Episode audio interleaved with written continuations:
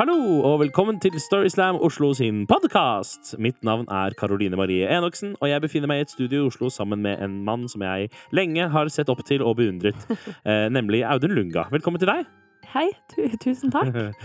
Eh, vi skal høre noen historier i denne podkasten. Ja, Eh, vi og skal bare gjøre det. Vi Ja. skal ikke spille rollespill. vi skal ikke spille rollespill. Nå må du skjerpe deg, Audun. Vær okay. snill, gutt. Ja. Eh, Vi skal høre noen historier i denne podkasten, og de Ja. har jo noe til felles, disse historiene. ja, de har noe til felles, for de handler begge to om det å befinne seg i situasjoner som man ikke helt skjønner hvordan eller hvorfor man havner i. Rett og slett eh, at man føler at man mister litt kontrollen. Ja, ja, riktig. Har du opplevd det noen gang? At du har følt at du har mistet kontrollen? Eller Mm. ikke vet helt hvordan du skal komme deg ut eller inn av situasjoner? Ja, det føler jeg jo stort sett hver gang jeg er i studio med deg. Ja. Nei da. Nei da. Hva med deg, Audun? Har du Eh, følt på tap? Tap av kontroll? Ja, jeg føler at jeg har ikke egentlig hatt kontroll på noe som helst i livet mitt siden sånn 1991 omtrent. Så Nei. sånn er det. Ja, sånn er det. Eh, den første fortelleren som skal dele en fortelling med oss i denne episoden, Audun, det er Emil Vattum Bjørnstad. Og han tar oss med eh, til en hendelse han opplevde da han var på firmatur i Chicago.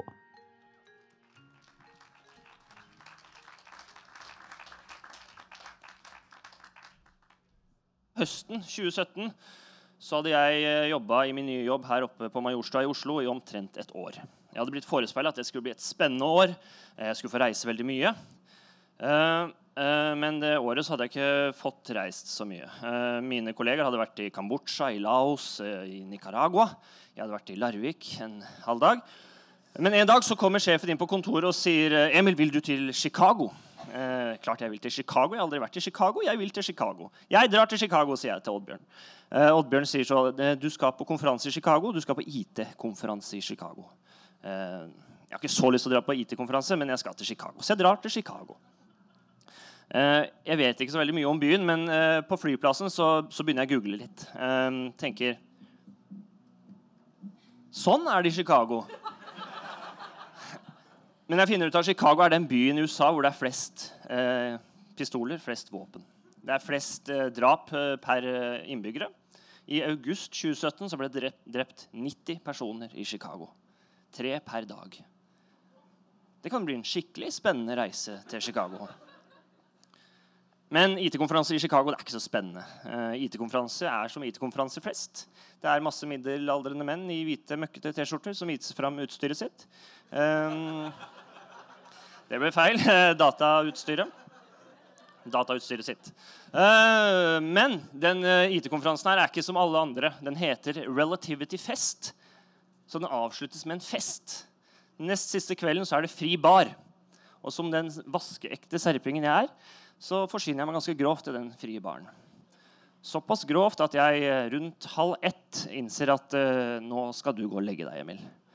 Så helt frivillig ble jeg geleida ut av den baren eh, i hotellobbyen, eh, bort til heisene og blir bedt helt frivillig om å ta heisen opp i 17. etasje på The Hilton Chicago, hvor jeg bor. Jeg bor helt innerst i gangen i 17. etasje på The Hilton Chicago. Jeg finner rommet mitt, eh, låser meg inn. Så finner jeg fram en cola fra minibaren, og det siste jeg husker, er at faen, det er vanskelig å drikke cola liggende fra en boks. Det neste jeg husker, er at jeg våkner av et stort smell. Nå tenker dere at han er blitt skutt i Chicago? Men nei. Det som skjedde, det var enda verre. For følelsen av å våkne av at hotellromdøra di smekker i lås bak deg mens du står i 17. etasje på The Hilton Chicago med tissen i hånda og skal tisse Det er ganske jævlig. Uh, hotell, uh, Hotellsengetøy er veldig mykt, så jeg har ikke på meg noen klær. Og nå er det jo skikkelig spennende på IT-konferanse i Chicago. Før jeg saktens innser at jeg kommer meg jo ikke inn på det rommet. Den døra den er låst. Jeg prøver å åpne den to-tre ganger, men nei, den er låst. Jeg skjønner jo da jeg må oppsøke mennesker. Mm. Eh, jeg må jo ned da, i lobbyen, der det er fest. Eh, så jeg begynner å gå, gå bort mot heisen. Eh, for de av dere som lurer, Det er ikke noen bilder på veggen i 17. etasje på Hilton Chicago. Det er, jeg prøvde å finne noe å dekke meg til med. Det er noen lilla lampeskjermer, men det blir litt sånn rart igjen. Eh, um, det er en sånn yuccapalme, men den dekker jo ikke så mye. Men så kom jeg på, idet jeg kommer bort mot heisen, så pleier det, det pleier å stå en, en telefon på, hvert, på hver etasje på hoteller. I tilfelle det skjer ting. Sånn som det her, da. Og når jeg kommer bort mot, uh, mot, heisen, så står det en liten hvit fasttelefon på et lite gullbord bort med heisen. Og jeg tenker Der har jeg redningen min. Så jeg plukker opp røret. Jeg taster 9 for resepsjonen. Jeg får summetone samtidig som jeg hører at det ringer. Og samtidig som jeg hører at det plinger i heisen bak meg. Mm, nå kommer det mennesker. Uh, det Man kan gjøre da, man har to valg. Man kan enten bare sånn play it super cool og bare si Shit happens, you know, I lock myself out, you know. Eller så kan man få helt panikk uh, og bare uh, legge i full, full, spurt nedover gangen. Jeg går for alternativ to. Så nå er det altså to meter kritthvit mann eh, i full spurt nedover eh, 17. etasje, Hilton Chicago. Eh, deilige hvite, eller deilige lilla vegg-til-vegg-tepper. Eh, og jeg løper jævlig fort. Eh, eh, rett nedover gangen, så første til høyre, så første til venstre. Og så plutselig så er jeg i branntrappa. Og der er det kaldt og deilig. Der kan jeg få stå og tenke litt. det første som slår meg, er at er det smekklås på den døra her? Men det er jo ikke smekklås på nødutganger, heldigvis. Eh, men eh, så åpner jeg døra igjen. Jeg lytter inn i gangen. Eh, stemmene som nå ler, de avtar. Og jeg hører det smekker i en dør. De har gått inn på rommet sitt, og det er klar bane for at jeg skal ut igjen i gangen. Så lister jeg meg ut i sånn Pink Panther-aktig langsmed langs med veggene. Tar første til høyre, første til venstre. Ja, det er klart. Og der enden ser jeg telefonen min. Står ved heisen, og jeg lister meg bort. Plukker av røret. Taster ni. Jeg hører at det ringer, samtidig som jeg hører at Roshanda i resepsjonen tar telefonen. Eh, jeg prøver å forklare til Roshanda at det skjer ting på 17. 17. etasje. Eh, og hun syns det her er ustyrtelig morsomt. Eh, så Roshanda må le litt lenge før hun sier at hun skal se på saken. Uh, betryggende ord. Uh, men da innser jeg at slaget her er tapt. Uh, jeg har gjort mitt. Jeg har gjort det jeg kan for å få kontakt med omverdenen og komme meg inn på rommet mitt igjen. Så jeg går litt sånn betutta mot, mot mitt rom helt i enden av gangen og blir stående med hodet mot døra og bare vente. Og det tar veldig lang tid, men plutselig så hører jeg et lite kremt bak meg. Og jeg snur meg som en ugle og møter blikket til den styggeste sikkerhetsvakten jeg noen gang har sett. Dette er altså Mike. Mike er omtrent 1,60 høy. Mike er midt i 30-åra. Mike har uh, stygg, uh, mørk dunbart. Mike har briller, Mike har blått slips, hvit skjorte, Mike har store amerikanske bukser, og Mike er tynn, men tjukk på en deilig amerikansk måte. Og Mike sier, So, have you locked yourself out, haven't you? Eh, jo, det har jeg, Mike. jeg har låst meg ute. Well, in order to let you in, I need to see some ID. Uh, Mike, Jeg vet ikke om Mike har lyst til å ha det morsomt på min bekostning. tydeligvis. Uh, jeg har ikke, noe, har ikke, noe, ID på meg. Uh, jeg vet knapt hvor jeg er. jeg prøver å si til Mike Mike, kompis, hva om du bare slipper meg inn, og så, så, kan jeg vise deg passet mitt når jeg kommer inn på rommet? Ah, greit, da, Mike blir med på den. så han låser meg inn. Eh, jeg vet ikke helt hvor passet mitt er, eh, så jeg leter litt rundt eh, naken på rommet. Finner det helt, helt, helt nede. I bunnen av den røde duffelbagen min. Gir det til Mike, og Mike takker og sier 'Have yourself a good night', og låser seg ut.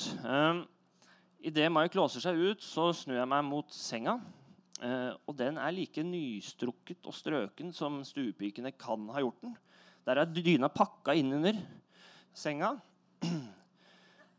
På nattbordet ved siden av senga står det en uåpna colaboks. Um, og ved siden av colaboksen så står det et digitalt uh, vekkerklokkeur med fire grønne, store sifre som leser 0437. Så hva jeg har gjort naken på et hotell i Chicago i fire timer, det veit jeg ikke. Takk for meg.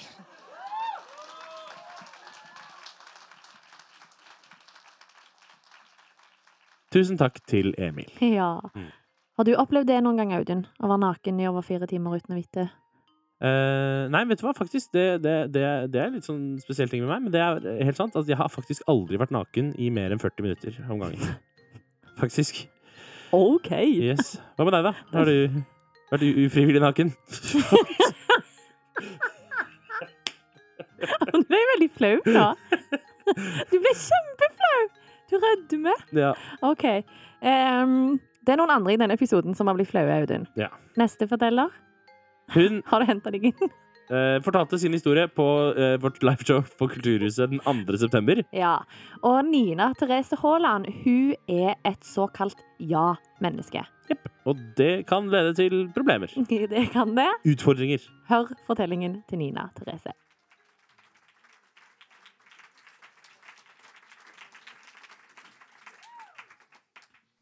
For å nevne en egenskap om meg sjøl, så er det at jeg er veldig glad i å gi lange og litt intense klemmer.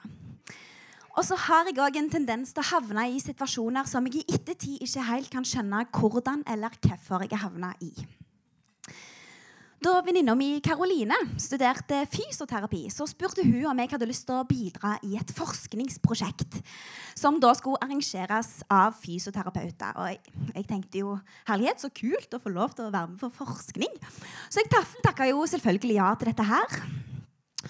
Og uten å vite helt hva som skulle forskes på, møtte jeg opp på Storo en onsdag morgen.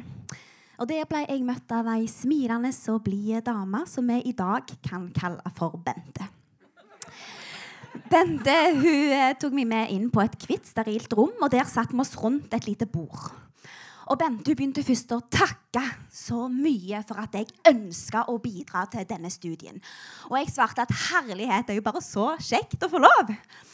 Og så lurte Bente på hvilket år det var jeg studerte fysioterapi.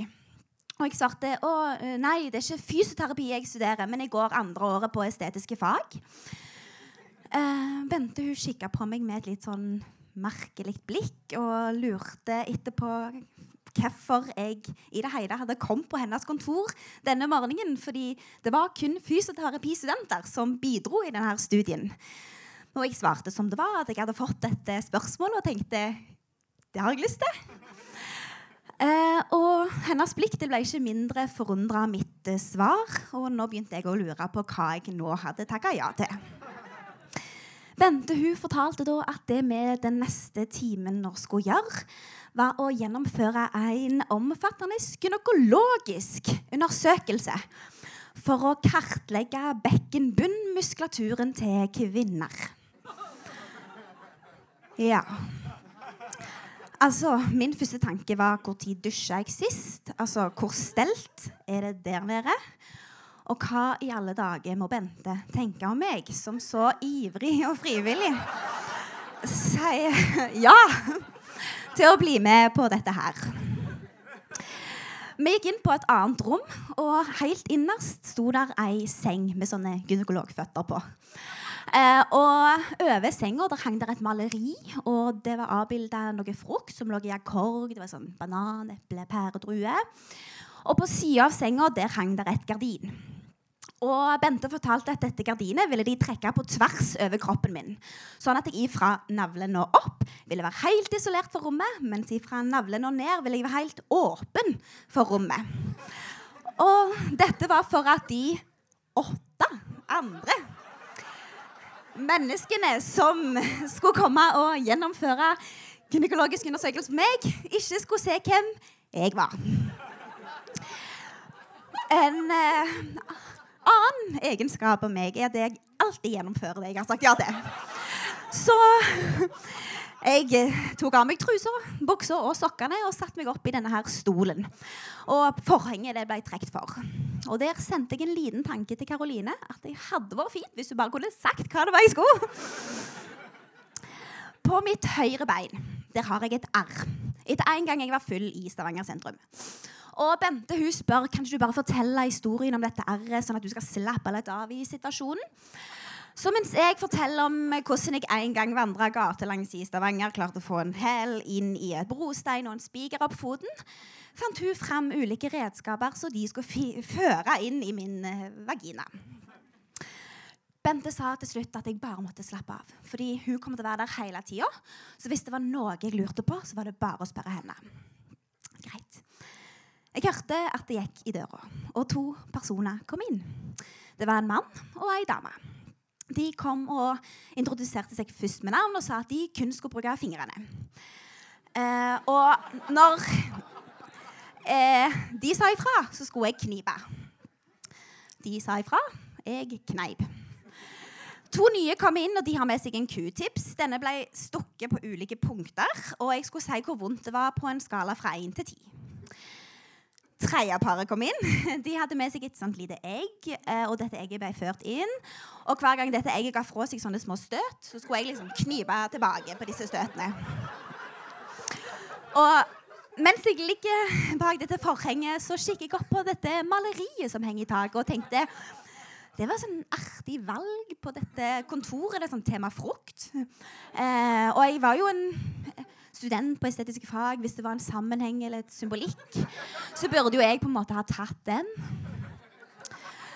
Tankerekken din ble avbrutt med at det siste paret kom inn. Og de hadde med seg noen sånn bananlignende ting, så de førte opp. Og så var vi ferdig. Jeg fikk litt sånn Kleenex og tørka vekk. Og jeg fikk på, på meg klærne og satte meg ned sammen med Bente. Og etter de neste 30 minuttene hadde gått, hvor jeg på ekte fysioterapeutisk vis hadde fått kartlagt min egen bekkenbunn, så var vi endelig ferdig. Men idet jeg trodde det pinlige med denne situasjonen var forbi, så skjer det. Eh, Bente hun går først og åpner døra, for å så komme tilbake til meg. Hun legger den ene hånda på skulderen min, for så å føre ut den andre. Og min kropp reagerer instinktivt med å gi Bente verdens lengste og mest intense klem. Dama fryser til som is mellom hendene mine. Hun gir fra seg et lite 'oi' og et Og jeg skjønner her at det var ikke en, ben, en klem Bente hadde bedt om. Hun ville bare peke hvor det var i gangen jeg hadde hengt ifra meg jakken når jeg kom den morgenen. Så sakte, men sikkert slipper jeg tak i denne stivkrossende kroppen, gir meg et langt og unnskyldende blikk, før jeg piler ut, henter jakken og går ned på gata på Storo. Og der står jeg og ler over hvorfor det er at jeg alltid havner i sånne situasjoner som det her. Men så må jeg bare si jeg skjønner Bente veldig godt. Hun hadde nok følt at hun hadde både sett og kjent nok av meg den timen.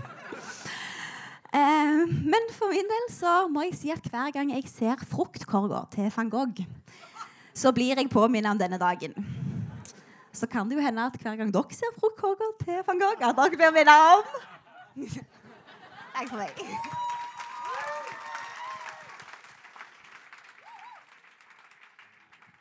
Tusen takk til Ninni.